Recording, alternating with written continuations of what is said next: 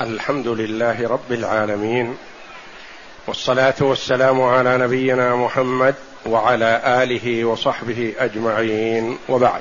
بسم الله. بسم الله الرحمن الرحيم.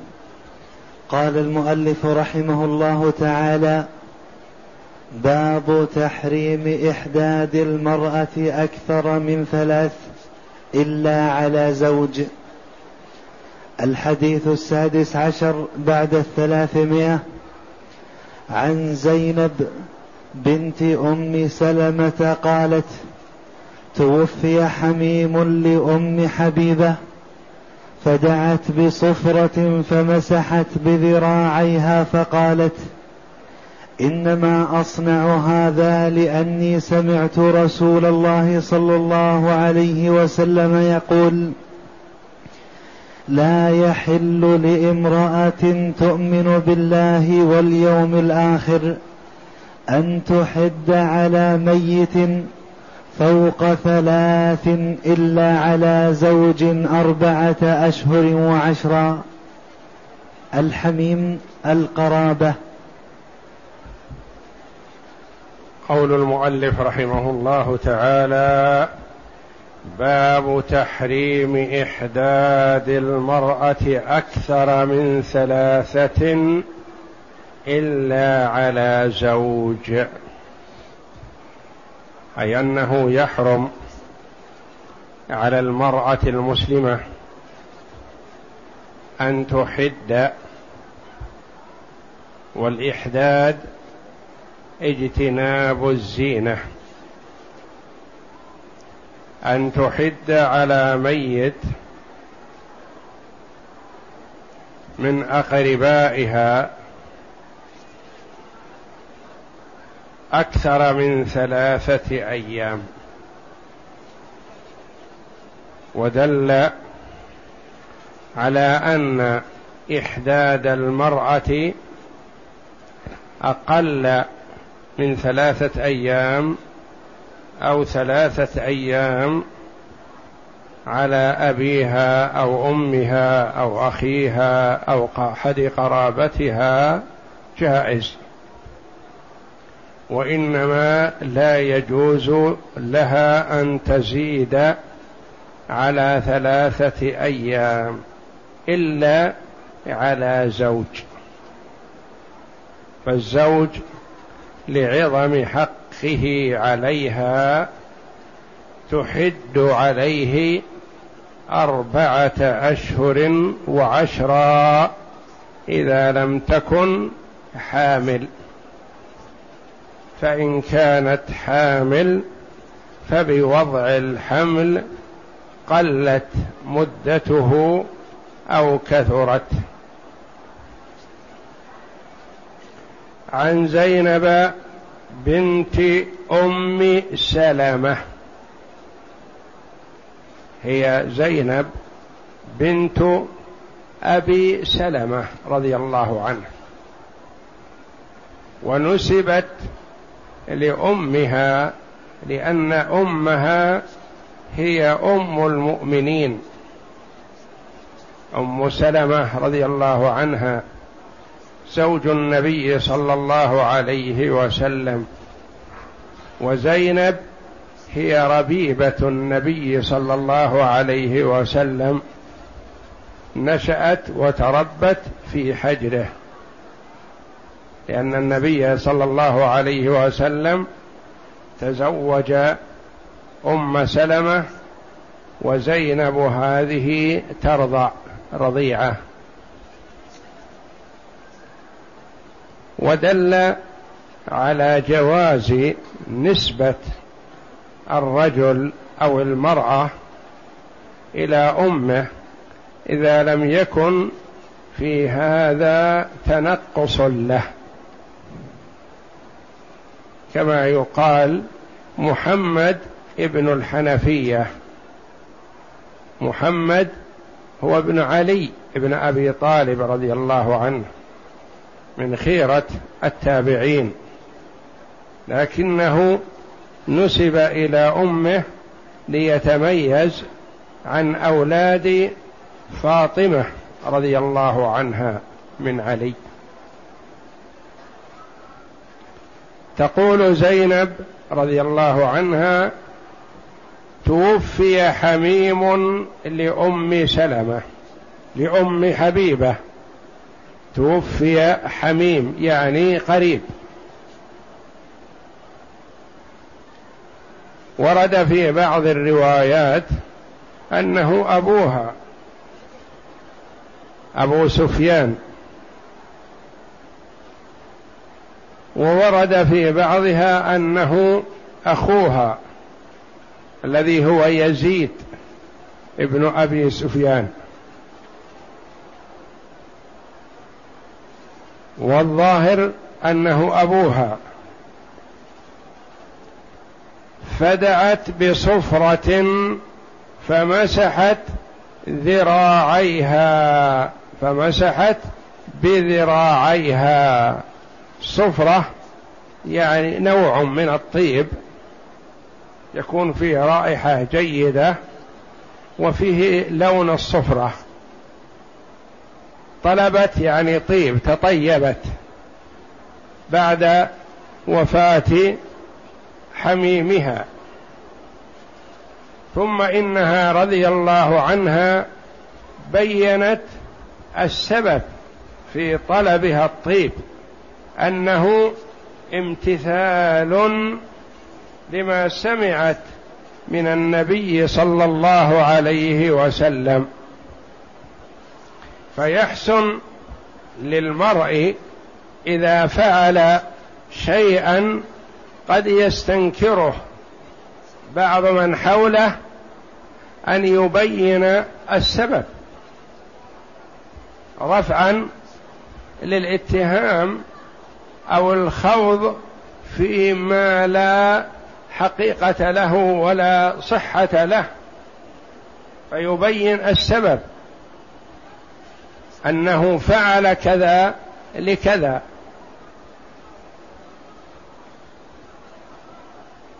فمسحت بذراعيها يعني تطيبت. فقالت إنما أصنع هذا. يعني التطيب وكما ورد في بعض الروايات أنها قالت وما وليس لي بالطيب من حاجة. إنما أصنع هذا لأني سمعت رسول الله صلى الله عليه وسلم يقول سمعت النبي صلى الله عليه وسلم يحدث بهذا الحديث فأرادت رضي الله عنها أن تطبقه على نفسها.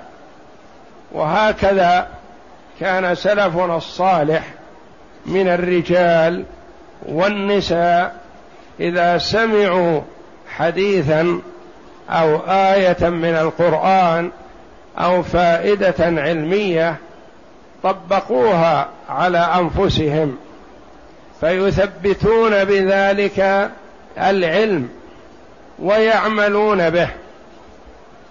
وكما قال أبو عبد الرحمن ما عن عن عبد الله بن مسعود رضي الله عنه أنه قال كنا إذا تعلمنا من النبي صلى الله عليه وسلم عشر آيات لم نتجاوزهن حتى نتعلم ما فيهن من العلم والعمل.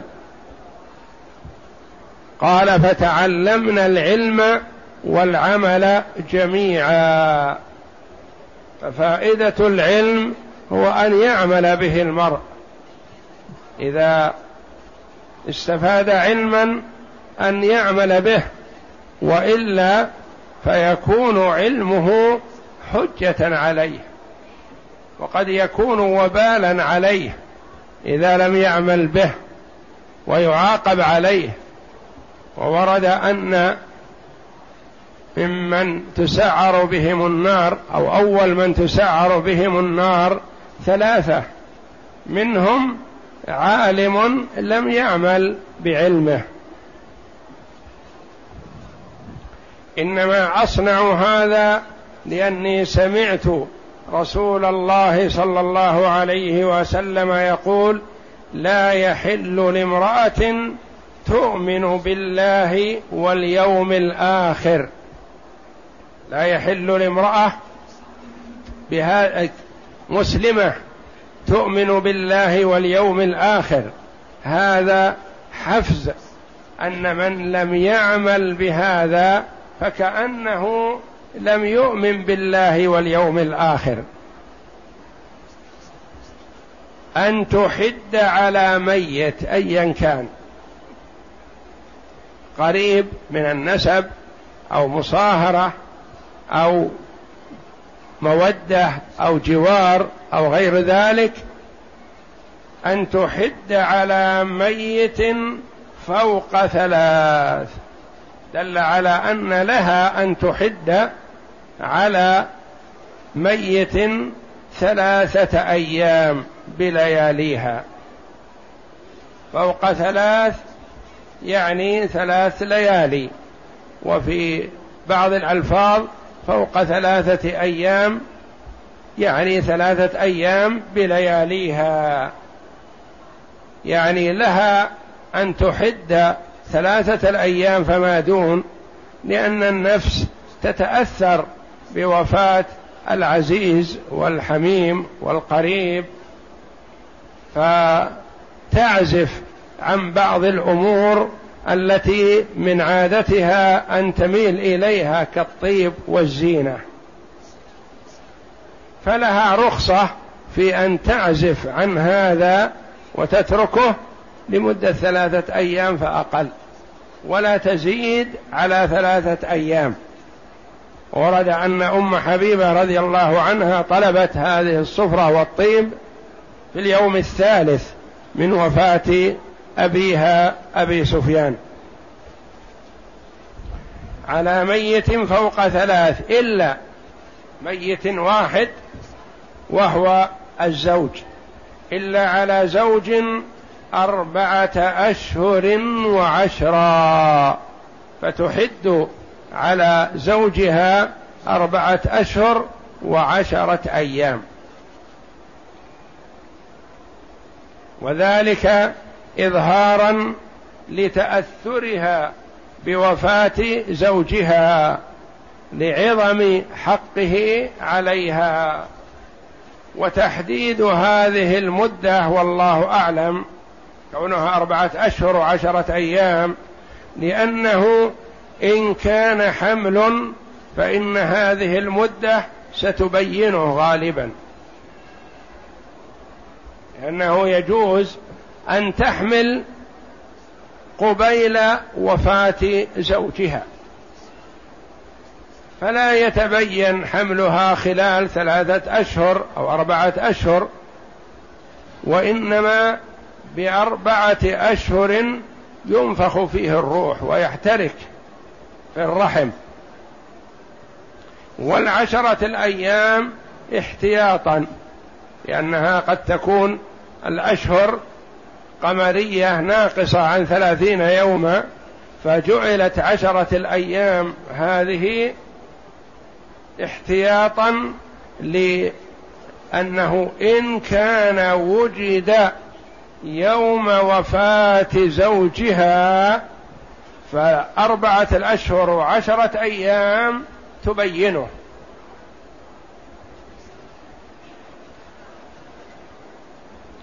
إلا على زوج أربعة أشهر وعشرا يعني عشر ليالي أو عشرة أيام. ثم فسر الحميم بأنه القرابة يعني الحميم القريب. وقالت حميم لأم حبيبة يعني قريب لها يشمل أي قريب.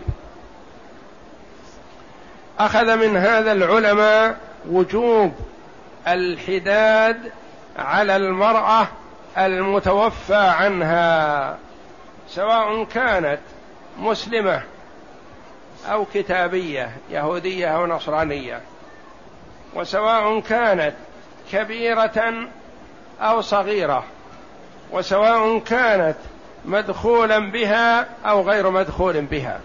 حتى لو لم تر زوجها ولم يدخل بها ولم تراه فإنها تحد حتى وإن كانت صغيرة بنت سنة أو أقل من هذا فيجب على وليها أن يجنبها ما تتجنبه الكبيرة من الزينة والطيب والكحل وغير ذلك. لأنه يجوز أن يعقد على البنت وإن كانت بنت سنة أو أقل من هذا. يجوز أن يعقد عليها لرجل فتكون زوجة له فإن مات وهي صغيرة فإن على وليها أن يأخذ بها ما يجب عليها من الحداد. اقرأ الغريب حميم القريب وجاء في بعض روايات الصحيحين أن المتوفى أبوها أبو سفيان بصفرة بضم الصاد وسكون الفاء طيب فيه زعفران أو ورس. يعني زعفران أو ورس يجعل لونه أصفر. نعم. أن تحد بضم التاء وكسر الحاء. تحد يعني الحداد. بضم التاء وكسر الحاء تحد. نعم. رباعي ماضيه أحد. ويجوز فتح التاء وضم الحاء. يقال تحد. بفتح التاء وضم الحاء تحد. تحد وتحد. نعم. أحدت المرأة وحدت فهي محد وحاد ولا يقال حادة بالهاء. لا يقال حادة وإنما بدون هاء محد هذه امرأة محد وهذه امرأة حاد وهذه تحد وهذه تحد. نعم. المعنى الإجمالي توفي والد أم حبيبة وكانت قد سمعت النهي عن الإحداد فوق ثلاث إلا على زوج فأرادت تحقيق الامتثال فدعت بطيب مخلوط بصفرة فمسحت ذراعيها وبينت سبب تطبيقها. وهو أنها سمعت النبي صلى الله عليه وسلم يقول لا يحل لامرأة تؤمن بالله واليوم الآخر أن تحد على ميت فوق ثلاث إلا على زوج أربعة أشهر وعشرا ما يؤخذ من الحديث اولا تحريم الإحداد على ميت أكثر من ثلاثة أيام إلا المرأة على زوجها. ثانيا إباحة ما يجوز للمرأة أن تتجنب الزينة والطيب مثلا لوفاة أبيها أو ابنها أو أخيها أكثر من ثلاثة أيام. وعلى المرأة أن تحتسب وأن تصبر وأن تطبق سنة رسول الله صلى الله عليه وسلم وما أمر به فت فتمس الطيب وإن لم يكن عندها زوج وإن لم يكن بها حاجة إلى الطيب. فأم حبيبة رضي الله عنها مست الطيب وقد توفي النبي صلى الله عليه وسلم قبل هذا لكنها أرادت أن تطبق ما سمعت من النبي صلى الله عليه وسلم وتعلم الأمة رضي الله عنها وأرضاها. ثانيا إباحة الثلاث على غير الزوج تخفيفا للمصيبة وترويحا لأن المرأة مثلا إذا قيل لها في اليوم الأول من وفاة ابنها أو من وفاة أخيها أو من وفاة أبيها تطيبي وتجملي ربما تستثقل هذا وتستصعبه ما تطيقه. لكن الله جل وعلا أباح لها على لسان رسوله صلى الله عليه وسلم أن تظهر التأثر لمدة ثلاثة أيام. ثم بعد هذا تمس شيئا من الطيب أو تلبس شيئا من الثياب الجميلة ونحو ذلك. نعم. وترويحا للنفس بإبدائها شيئا من التأثر على الحبيب المفارق. الحبيب المفارق الذي هو غير الزوج كالإبن والأب والأخ والعم والخال وغيرهم نعم. ثالثا وكذلك لو كانت المفارقة امرأة كأمها وبنتها وأختها نعم. ثالثا وجوب إحداد المرأة على زوجها المتوفى أربعة أشهر وعشرا وعموم الحديث يفيد وجوبه على كل زوجة مسلمة كانت أو ذمية. كبيرة أو صغيرة. رابعا قوله تؤمن بالله واليوم الآخر سيق للزجر والتهديد. لأن كأنه يقول من لم تفعل هذا كأنها لا تؤمن بالله واليوم الآخر. في زجر. نعم.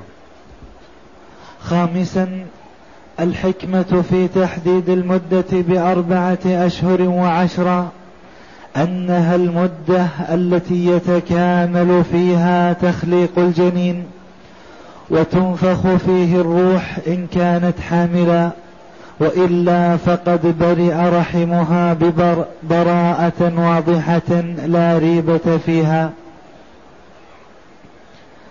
سادسا والإحداد هو اجتنابها كل ما يدعو إلى جماعها. ويرغب في النظر إليها من الزينة والطيب وسيأتي بيانه إن شاء الله. والله أعلم. وصلى الله وسلم وبارك على عبده ورسول نبينا محمد وعلى آله وصحبه أجمعين.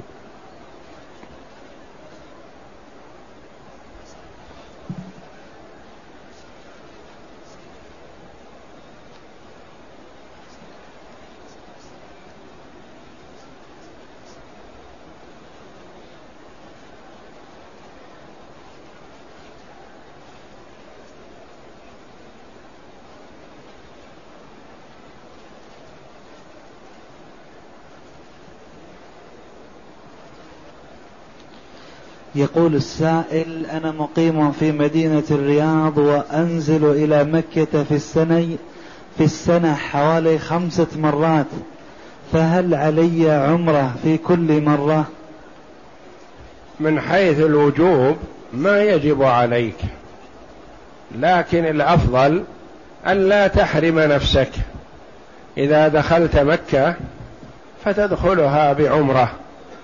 لقوله صلى الله عليه وسلم العمرة إلى العمرة كفارة لما بينهما والحج المبرور ليس له جزاء إلا الجنة. فيحرص المرء على متابعة العمرة للعمرة. وفي الحديث الآخر تابعوا بين الحج والعمرة فإنهما ينفيان الفقر والذنوب كما ينفي الكير خبث الحديد والذهب والفضة. وإن دخل مكة بدون عمرة لأنه قد اعتمر من قبل فلا بأس عليه إلا أنه فوت على نفسه فرصة ثواب. العمرة.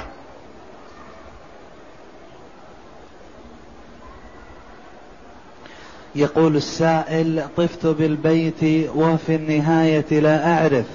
طفت ستة أشواط أم سبعة؟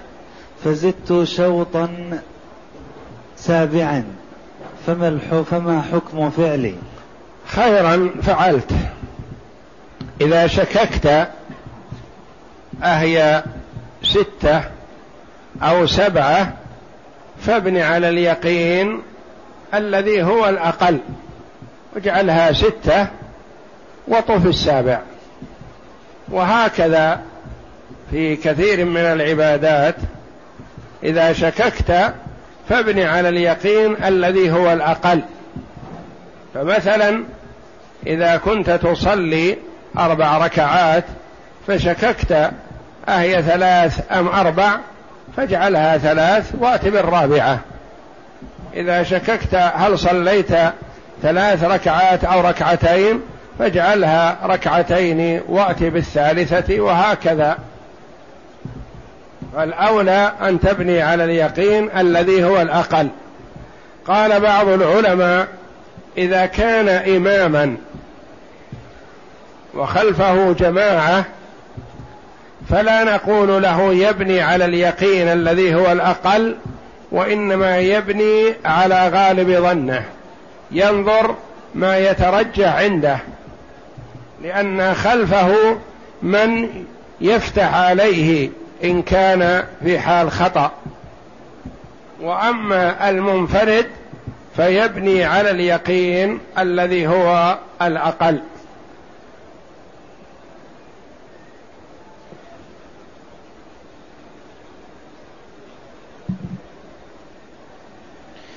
يقول السائل شاب يصوم الاثنين والخميس وفي بعض الأحيان يدعى إلى وليمة غداء وهو صائم فهل يلبي الدعوة أم لا يلبي؟ إذا كانت استجابته للدعوة وأكله يدخل السرور على أخيه المسلم فيحسن أن يجيب.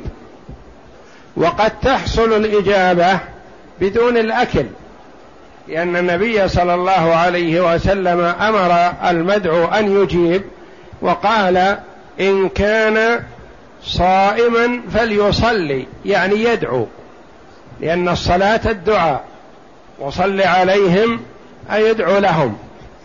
فإن كان صائم يدعو لهم ويحضر جبرا لخاطر الداعي وإن واستمراره على صيامه إذا كان لا يؤثر هذا على الداعي فلعله أولى لأن الله جل وعلا يحب من عبده إذا عمل عملا أن يواظب عليه ويداوم عليه.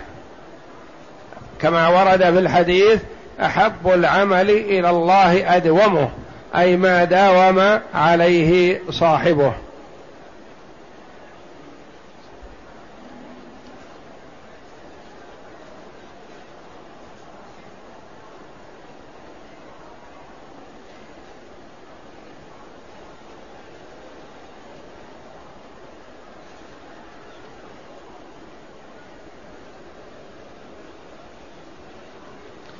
يقول السائل ذكرتم بأن المرأة لا يجوز لها أن أن تحد على ميت أكثر من ثلاثة أيام إلا من زوجها وذلك لعظم حق الزوج عليها. أليس لأبيها وأمها حقوق عظيمة؟ لهما حق عليها لكن حق الزوج لا يعدله شيء. المرأة إذا كانت متزوجة ومنعها زوجها من الذهاب إلى أبيها أو إلى أمها فيجب عليها أن تمتنع. ولا تطيع أباها إذا منعها من الذهاب ولا تطيع أباها إذا منعها من الذهاب إلى زوجها. فحق الزوج أعظم من حق الوالدين.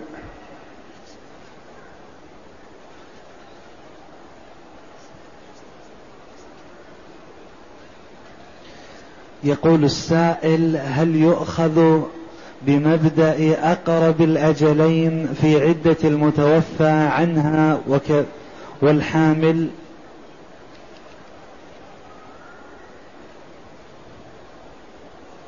يقول هل يؤخذ بمبدأ أقرب الأجلين في عدة المتوفى عنها والحامل؟ ما قال بهذا أحد ولا يليق أن نقول أقرب الأجلين. يعني إذا مات عنها زوجها وهي حامل قد يمضي أربعة أشهر وعشرة أيام وهي لم تلد فتتزوج وهي حامل؟ لا. وإنما قال بعض السلف بأطول الأجلين ما هو بأقرب. وابن عباس رضي الله عنهما يقول عليها أبعد الأجلين مو بأقرب الأجلين. يعني إذا كانت حامل ولدت بعد وفاة زوجها بساعة يقول تستمر في العدة والحداد أربعة أشهر وعشرة أيام. إذا مات زوجها وهي حامل ومضى عليها أربعة أشهر وعشرة أيام لم تلد قال ينتظر فيها الولادة وإن مضى عليها أكثر من سنة. أبعد الأجلين يعني أطول الأجلين وليس أقرب الأجلين لأن أقرب الأجلين لا يقول به أحد.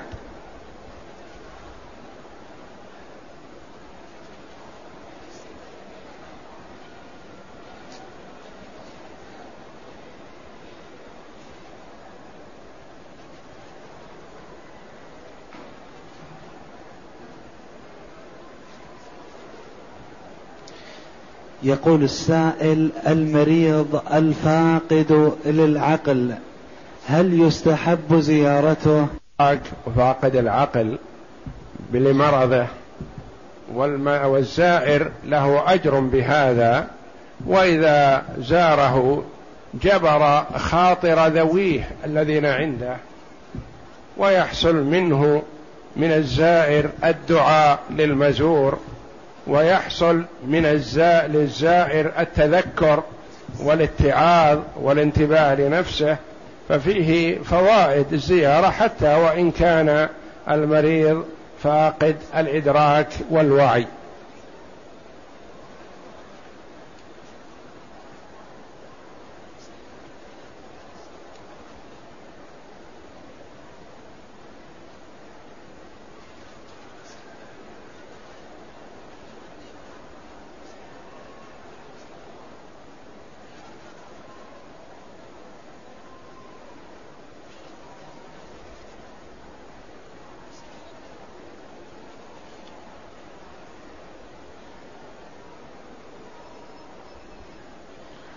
يقول السائل هل من السنة قراءة سورة الجمعة والمنافقون يوم الجمعة في الصلاة للإمام؟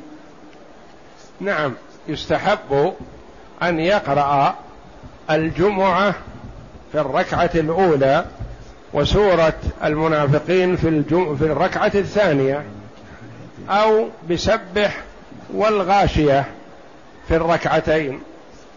يستحب هذا استحبابا ولا يتعين.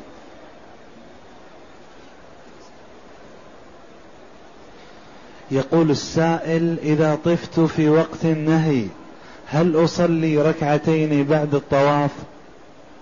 نعم.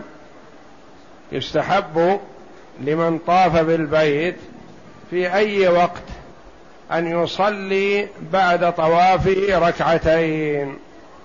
لقوله صلى الله عليه وسلم يا بني عبد مناف لا تمنعوا أحدا طاف بهذا البيت وصلى فيه أي ساعة شاء من ليل أو نهار.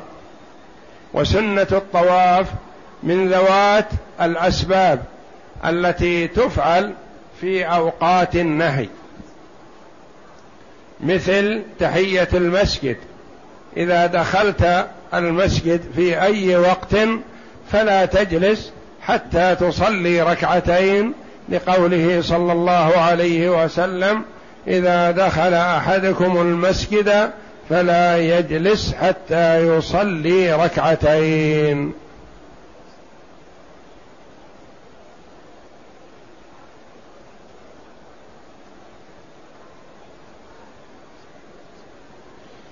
تقول السائلة هل تحد المرأة التي غاب عنها زوجها عاما أم لا؟ ومات بعيدا عنها.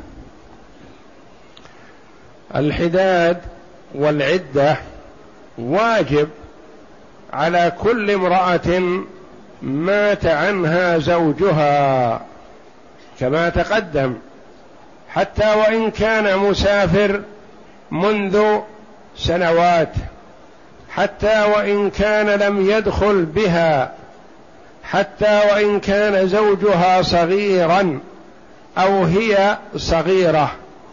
فالحداد والعدة على كل امرأة بحسب حالها. إن كانت حامل فبوضع الحمل لو وضعت الحمل بعد ساعة من وفاة زوجها تمت عدتها. وإذا مضت مدة العدة والحداد والمرأة لم تعلم عن ذلك فلا فليس عليها شيء فيما بعد تمام مدة العدة لأن العدة تحتسب من تاريخ وفاة زوجها.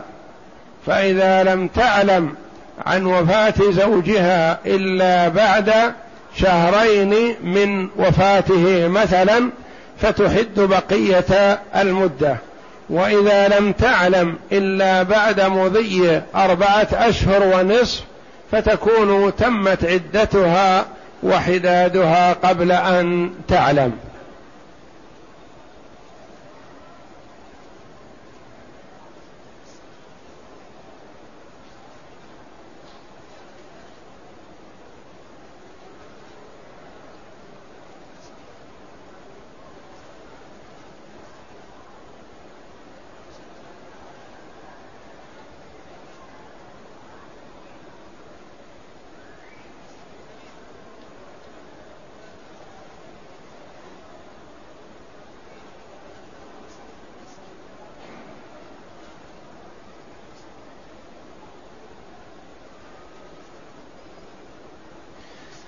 يقول السائل هل يجوز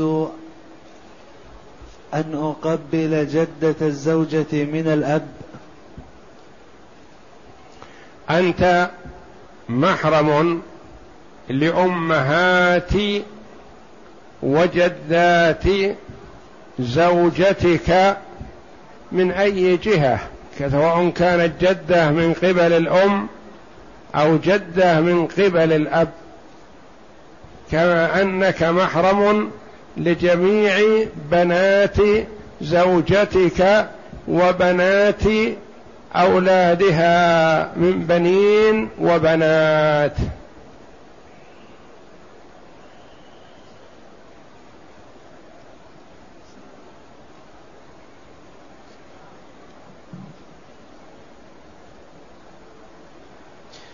يقول السائل كنا في حملة عمرة وطلبت مني إحدى النساء إعطاءهن درس فأعطيتهن بدون ستر فهل هذا جائز؟ بدون ستر إن كنهن متسترات فلا مانع أن تجلس أمامهن أو حولهن بدون أن يكون هناك حاجز وأما إذا كن كاشفات الوجوه والأيدي فلا يجوز لك ذلك لأنه لا يجوز للمرأة أن تكشف وجهها إلا لمحارمها.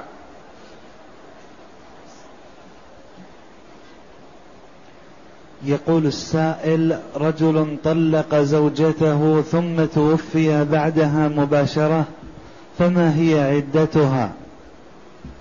هذه إذا طلقها ومات فلا يخلو. إن كان طلاقها رجعي فهي في حكم الزوجة. عليها العدة وعليها الحداد ولها الميراث. ترث.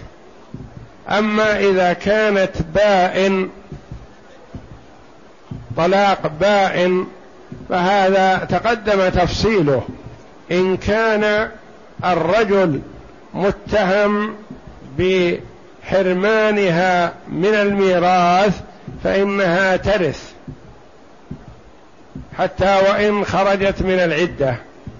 وإن كان غير متهم بحرمانها من الميراث فإنها لا ترث. ولا عدة عليها سوى العدة السابقة التي هي عدة الطلاق ما دام أنها أنه لم يتهم بقصد حرمانها فهي تعتبر أجنبية حينئذ ولا تعتد أكثر من عدة الطلاق الواجبة عليها.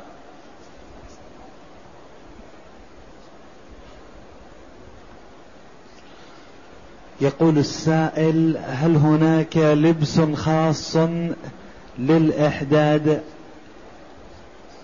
ليس هناك لباس للإحداد وإنما تلبس المرأة أي ثوب إلا أنها تجتنب ثياب الزينة الملفتة للنظر المرغبة في النظر إليها. تجتنب الثياب ثياب الزينة وإلا فلا يلزم أن يكون الثوب أسود كما تفعل بعض النساء ولا يلزم أن يكون أبيض كما تفعل بعض النساء وإنما تلبس أي ثوب من ثيابها العادية ولا حرج عليها في ذلك إلا أنها تجتنب ثياب الزينة.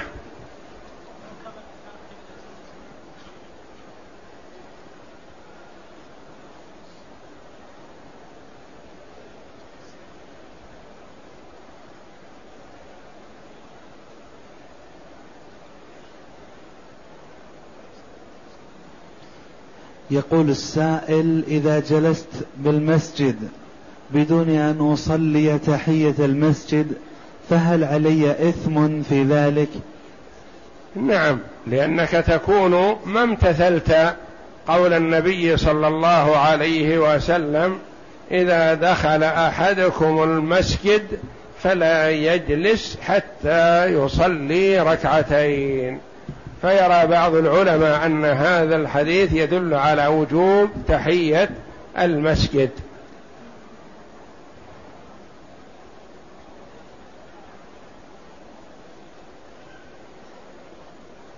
يقول السائل أخطأت في بدء السعي وبدأت من الصفا سبعة أشواط.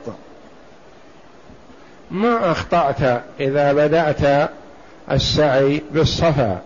هذا هو الواجب أن تبدأ بالصفا من الصفا إلى المروة شوط ومن المروة إلى الصفا شوط وهكذا تبدأ بالصفا وتنتهي بالمروة. أما إذا بدأت بالمروة فلا تحتسب الشوط الأول.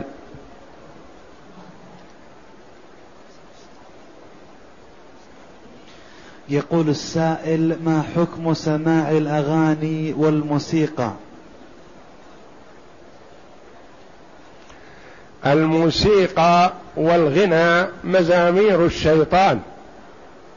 أقسم عبد الله بن مسعود رضي الله عنه قائلا والذي لا إله غيره أنه الغنى في قوله تعالى ومن الناس من يشتري لهو الحديث ليصد عن سبيل الله بغير علم. فالآية في النهي عن اتخاذ الغنى والمزامير. أقسم على هذا عبد الله بن مسعود رضي الله عنه فهو محرم ولا يجوز للمسلم اتخاذه.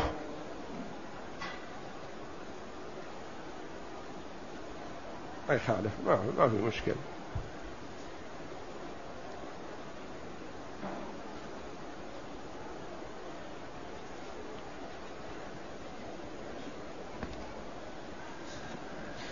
يقول السائل ذكرتم بالأمس أن الإمام إذا أوتر وأراد أحدنا أن يصلي فله أن يفارقه بركعة يشفع فيها ما قد أوتر الإمام. أليس هذا مخالفا لقوله صلى الله عليه وسلم؟ إنما جعل الإمام ليؤتم به. لا هذا ليس مخالف. أنت لا تفارق الإمام قبل أن ينتهي ولا تسابق الإمام في الركوع والسجود ولا تتأخر عنه بحيث يكون في ركن وأنت في ركن غيره. وإنما امشي معه فهو سلم وانتهى وأنت ما خالفته. فسلم وانتهى تقوم. مثل ما لو كنت مسبوقا. أنت مسبوقا إذا سلم الإمام قمت وأتيت بما بقي عليك. فالإمام أراد أن يصلي الوتر ركعة وأنت تريد أن تصلي شفعا ركعتين. وتكسب بهذا أنك لم تفارق الإمام حتى انتهى. من صلى مع الإمام حتى ينصرف كتب له قيام ليلة.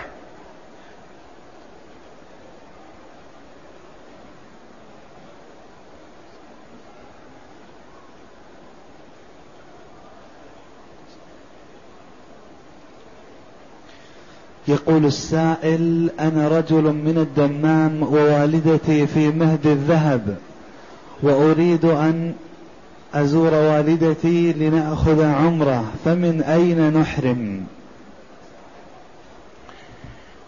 بالنسبة له إذا حاذ وصل إلى أحد المواقيت التي يمر بها فيحرم. وبالنسبة لأمه التي في مهد الذهب إذا كان المواقيت كلها خلفها فتحرم من مكانها. فالمرء إذا كان في مكان المواقيت خلفه فيحرم من مكانه. مثلا نوى العمرة وهو في جدة. من أين يحرم؟ يحرم من جدة. هل جدة ميقات؟ لا. لكنها دون المواقيت كلها. فنوى العمرة وهو دون المواقيت كلها يحرم من مكانه. نوى العمرة وهو في الشرائع مثلا. المواقيت وراه. ما نقول له ارجع إلى المواقيت أحرم من دارك يسأل الآخر يقول هل الشرائع ميقات؟ نقول لا. الشرائع القسم اللي فيه من الحل ما هي ميقات. لكنه أراد أن يعتمر وهو في الحل فيحرم من مكانه. فالمواقيت لمن مر عليها يجب أن يحرم منها. فإن لم يحرم منها وتجاوزها قلنا يرجع إليها ويحرم. فإن تجاوزها ولم يرجع وأحرم من دونها فعليه هدي لأنه ترك واجب من واجبات العمرة وهو الإحرام من الميقات.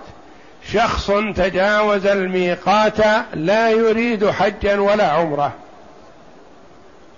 ثم طرى له أن يحج أو يعتمر. الحج يحرم ولو من مكة. العمرة يحرم من الحل.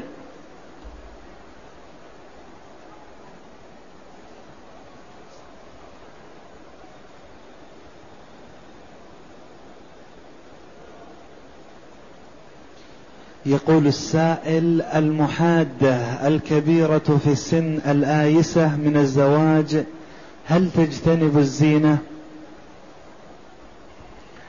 كل متوفى عنها يجب عليها الحداد كما تقدم صغيرة حتى وإن كانت بنت سنة يجب على وليها أن يجنبها الزينة وكذلك الكبيرة وإن كانت سنها مئة سنة. فتجتنب الزينة والطيب وتلتزم الحداد. لأن التزام الحداد عبادة لله جل وعلا واجب على المرأة أن تأخذ به كبيرة كانت أو صغيرة حتى الكافرة. قالوا يجب عليها اليهودية أو النصرانية إذا مات زوجها المسلم يجب عليها الحداد.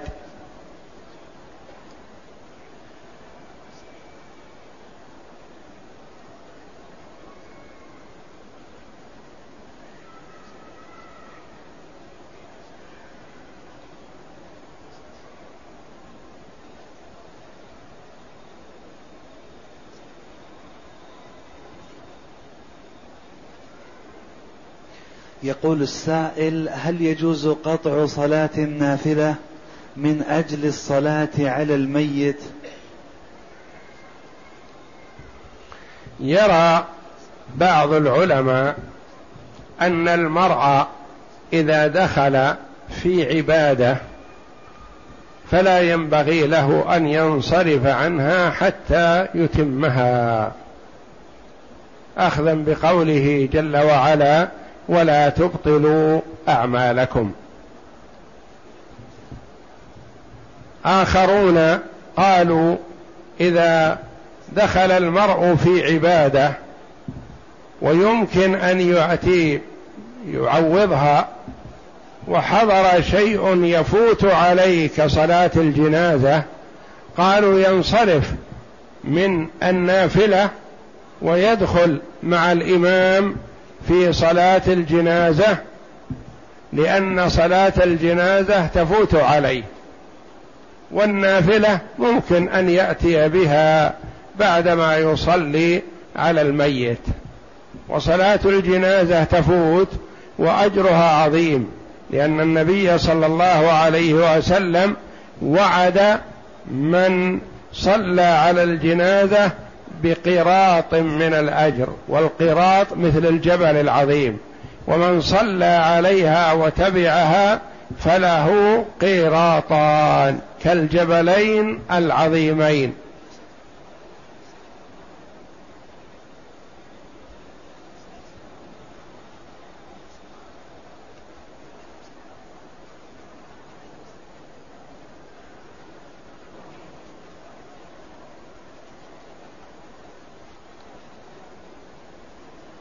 يقول كيف أخذ العلماء من هذا الحديث وجوب الإحداد على المتوفى عنها زوجها ولو كانت صغيرة؟ مع أنه علل ذلك لإن تبين الحمل والصغيرة لا حمل. لا ليست العدة والحداد لأجل الحمل فقط وإنما لأمور كثيرة منها ما ندرك ومنها ما لا ندركه. والحداد واجب على كل متوفى عنها صغيرة كانت أو كبيرة حتى الآيسة معلوم أنها ما فيها حمل لكنه عبادة وواجب على المرأة المسلمة.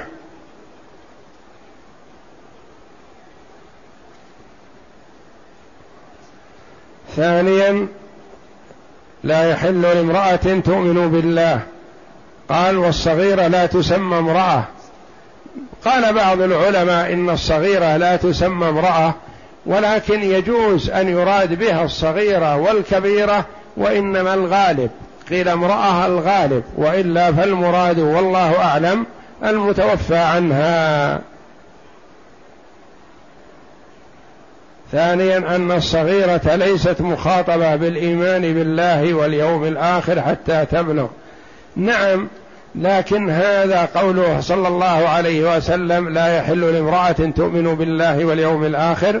قال العلماء خرج مخرج الغالب.